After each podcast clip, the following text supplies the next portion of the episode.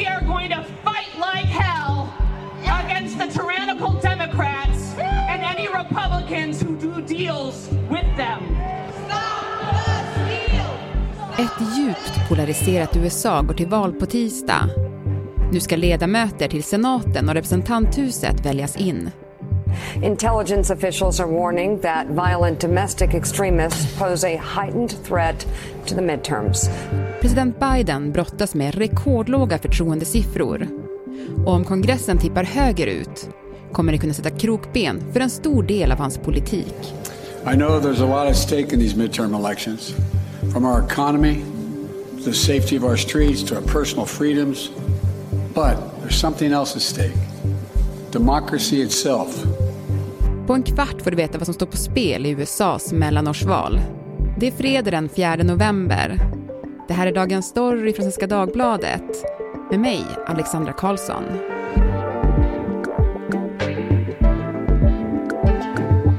Erik Bergin, nyhetschef på Utriket här på Svenska Dagbladet och tidigare USA-korrespondent. Du, mellanårsval på tisdag eh, och det är en riktig nagelbitare i år, eller? Ja, det är det. Normalt sett så är det väl inte så mycket intresse i Sverige för ett amerikanskt mellanårsval, men det finns en del skäl som gör att det är lite mer intressant nu. Det är det. Mm. Vad är det som står på spel då? Ja, alltså dels är det uppenbara att eh, som det nu ser ut så kommer Republikanerna att ta kontrollen över representanthuset och eh, förmodligen kanske även senaten. Det är väl 50-50 där. Sen är det också val till delstatsparlamenten runt om i USA också. Men, men det är egentligen inget eh, annorlunda. Så brukar det vara. Både Obama och Trump fick maktskiften i kongressen under, under tiden de satt. Så, att, så brukar det se ut. Men sen är det också det faktum att eh, konspirationsteorierna och eh, det märkliga påståenden från förra valet 2020 fortfarande hänger kvar två år senare och är en faktor i det här valet. Så det är det som är annorlunda. Mm. Och hur är det en faktor fortfarande? Trump är ju en informell ledare fortfarande av det republikanska partiet. Eh, och han har nu då lagt sin tyngd bakom ja, ett par 300 kandidater som ställer upp. Dels till eh, kongressen i Washington men även till olika positioner runt om olika delstater. Och de hävdar som han gjorde att eh, om de förlorar så kommer det att bero på fusk och eh, de förbinder sig inte att eh, erkänna något valresultat om de själva inte vinner och sådana där saker. Inte, in, alla gör inte det men en, en, stor del av de som han har lagt sin tyngd bakom oss som är republikaner i det här valet gör det. Och det är ju det som Demokraterna nu hävdar är ett hot mot eh, USAs demokrati och att systemet så att säga kan braka ihop. Om det är så att de här personerna på tisdag vinner sina val och eh, får, får reell makt eh, inför nästa val då 2024. Yet now, extreme MAGA Republicans aim to question not only the legitimacy of past elections, but elections being held now. Det var ju det vi hörde eh, Joe Biden, presidenten, varna för i, i sitt tal här på onsdag kvällen. Att eh, det här är en sorts ödesfråga kan man säga, framställer han det som för USAs demokrati. Ja, men om de här Trump-kandidaterna då eh, kommer in och får reell makt, vad kan det innebära? Jo, men eh, det, det, eh, funkar så eh, i presidentval att guvernörerna i alla 50 delstaterna måste godkänna valresultaten. Och så finns det då en delstatlig valminister som kallas Secretary of State och de här två personerna ihop med justitieministern har väldigt stor påverkan på saker som valregler och röstningsregler och hur val går till och sånt. Om en guvernör bestämmer sig för att blockera ett valresultat. Nej, jag vägrar eh, underteckna det här för att jag, tyck, jag tror att det är fusk bakom eller någonting sånt där. Då har vi ju en konstitutionell kris. Då, då går det inte att utse en president. Uh, och, och, det är det som man befarar inför 2024 och, och, i så fall så får ju valresultatet uh, eller valet avgöras någon annanstans i kongressen eller av det högsta domstolen någonting och då spelar det ingen roll hur folk har röstat, då kan det gå åt vilket håll som helst.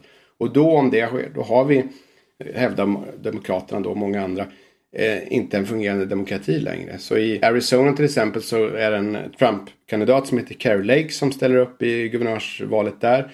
Hon leder och hon har sagt, eh, jag skrev en artikel om henne häromdagen bara, och hon, hon har sagt att eh, jag om jag hade varit guvernör 2020 hade inte godkänt Bidens seger till exempel. Do you really believe the 2020 election was stolen? Yes, absolutely. I'm not the only one who believes it. The majority of Americans believe it. Unfortunately, the media refuses to cover it. We had a million ways to cheat and they used each and every one of them. Och det är det som eh, demokratiexperter och demokrater och andra befarar ska, ska ske 2024. Att det blir kaos i systemet, det bryter samman.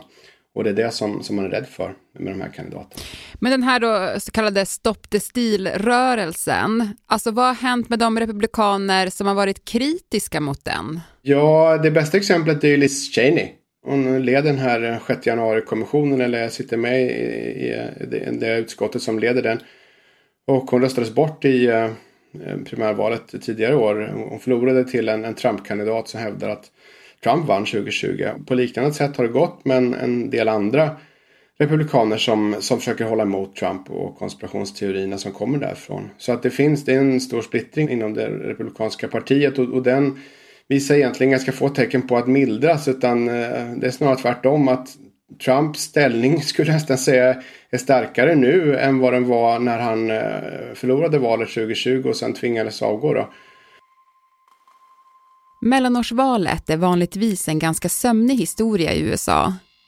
Valdeltagandet brukar vara lågt, bara runt 40 procent. Men 2022 ser inte ut att bli ett särskilt normalt år i amerikansk politik. With so many neck and neck races, candidates and even their supporters are increasingly framing this election in apocalyptic terms. Stämningen har varit upptrissad och retoriken hård.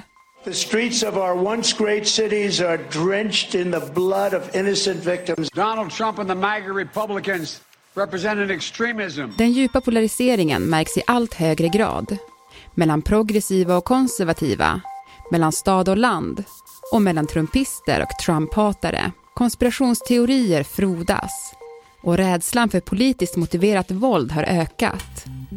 Receiving floods of violent threats has become a regular part of serving in Congress, something that's similarly true for Republicans and Democrats.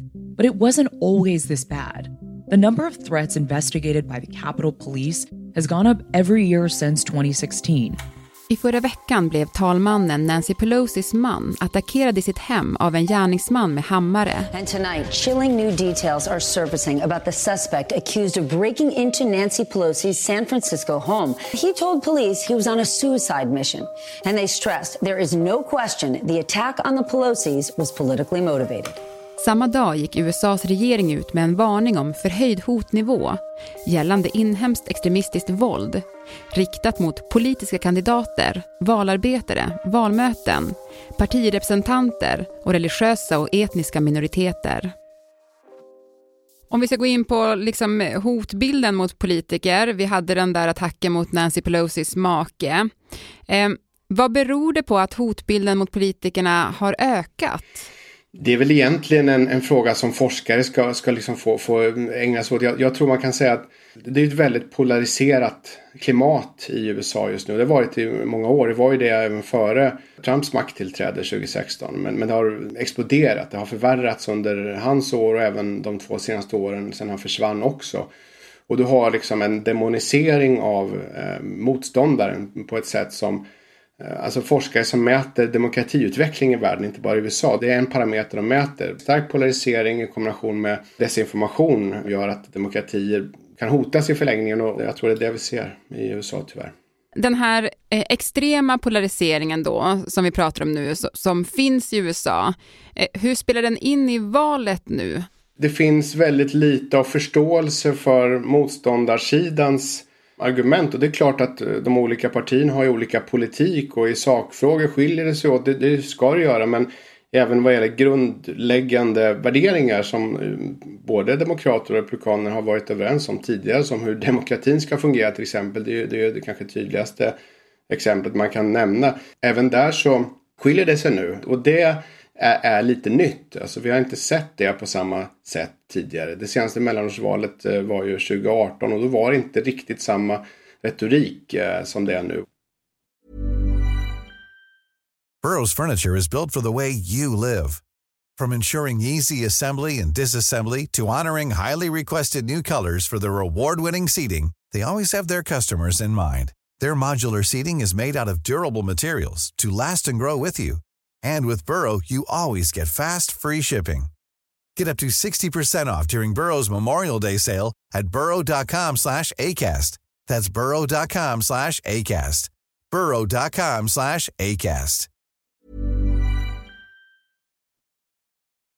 President Biden. Eh, alltså han har ju redan ett sviktande stöd eh, och eh, mellanårsval brukar ju ses som en ganska tydlig indikator på hur man tycker att presidenten skött sig. Eh, bör han vara orolig nu? Ja, hans stöd är ju drygt 40 procent om man ser på de här sammanvägningarna av, av flera mätningar i genomsnitt. Liksom. Det är inte särskilt bra. Han bör vara orolig av, av det skälet att eh, han riskerar, som vi sa inledningsvis, få kongressen mot sig.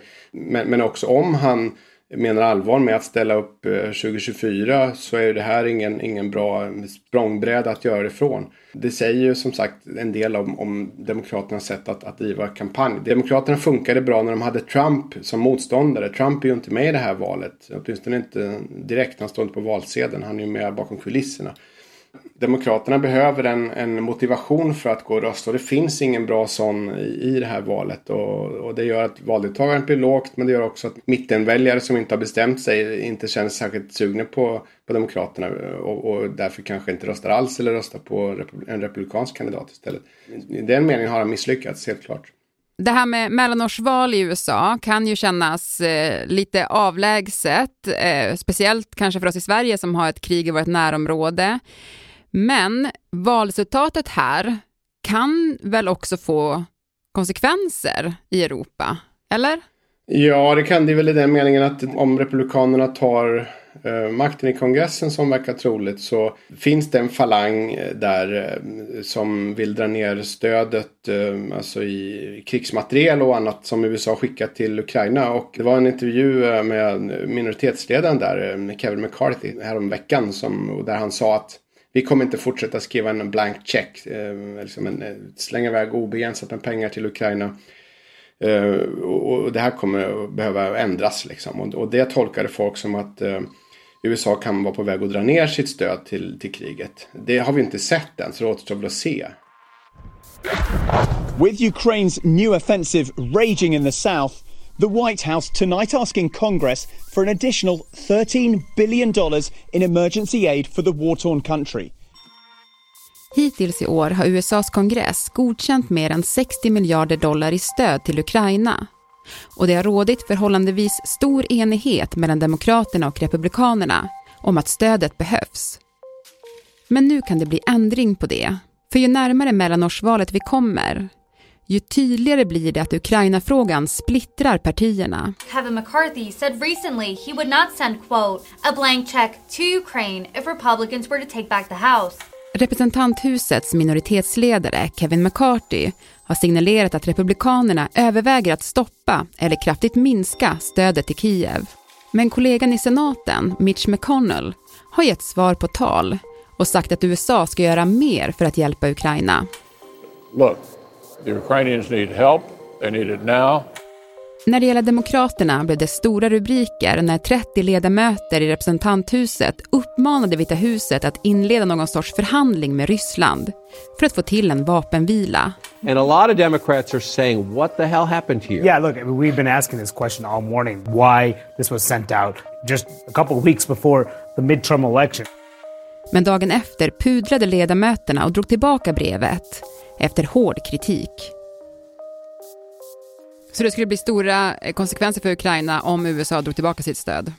Ja, om inte europeiska länder kompenserar för det så skulle Ukraina förmodligen förlora kriget. Alltså det mesta av stödet har kommit från USA. Jag är ingen krigsanalytiker men om man tittar på siffrorna så, så är det den slutsatsen man kan dra stödet från enbart Europa skulle inte ha räckt särskilt långt. Ska man komma ihåg också att före kriget så var det ju, och före Trump så var det ju en stor majoritet av republikanerna i kongressen som var emot Ryssland, och var emot Putin. Och, och så att det är inte så att det finns en debatt mellan partierna där egentligen. Men det finns den här falangen som eh, vill att man ska syssla mer med sina inhemska problem i USA istället för att skicka pengar utomlands. Och det, om den falangen får makt som man befarar då att stödet kan dras ner. Så på det sättet får det ju stora konsekvenser.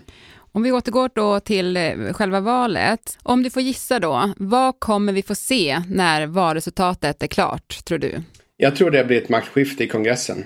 Att det blir i representanthuset är egentligen givet. Men jag, Ohio är ett intressant race eh, som kan avgöra makten i, i senaten. Det är den här kändisrepublikanen J.D. Vance som har skrivit boken Hillbilly Elegy som blev eh, väldigt omskriven. Men han har blivit Trump-supporter nu. Om han vinner där så kan det avgöra och, och ge även senaten till republikaner. Så jag, beroende på hur det går, men, men jag tror att det är stor chans att eh, republikanerna tar, eh, att det blir maktskifte. Och det, det, som, som jag sa tidigare, det är inte särskilt ovanligt. Det, det hade varit mer ovanligt om demokraterna behållit alltihopa. Men, men det, det är min gissning att det, att det går åt det hållet. Återstår att se. Tack så jättemycket Erik för att du var med i Dagens Story. Ja, tack själv. Burrows furniture is built for the way you live. From ensuring easy assembly and disassembly to honoring highly requested new colors for their award-winning seating, they always have their customers in mind. Their modular seating is made out of durable materials to last and grow with you. And with Burrow, you always get fast, free shipping. Get up to 60% off during Burrow's Memorial Day sale at burrow.com slash ACAST. That's burrow.com slash ACAST. burrow.com slash ACAST. Programmet idag producerades av Kajsa Linderoth, redaktör var Teresa Stenle von Matern och jag heter Alexandra Karlsson. Vill du kontakta oss så mejla till dagensstory.svd.se. Klippen i programmet kom från Washington Post, MSNBC, BBC, News Nation, Vice News, ABC, Forbes, PBS och CNN. Cool fact a crocodile can't stick out its tongue. Also, you can get health insurance for a month or just under a year in some states. United Healthcare short term insurance plans, underwritten by Golden Rule Insurance Company, offer flexible, budget friendly coverage for you. Learn more at uh1.com.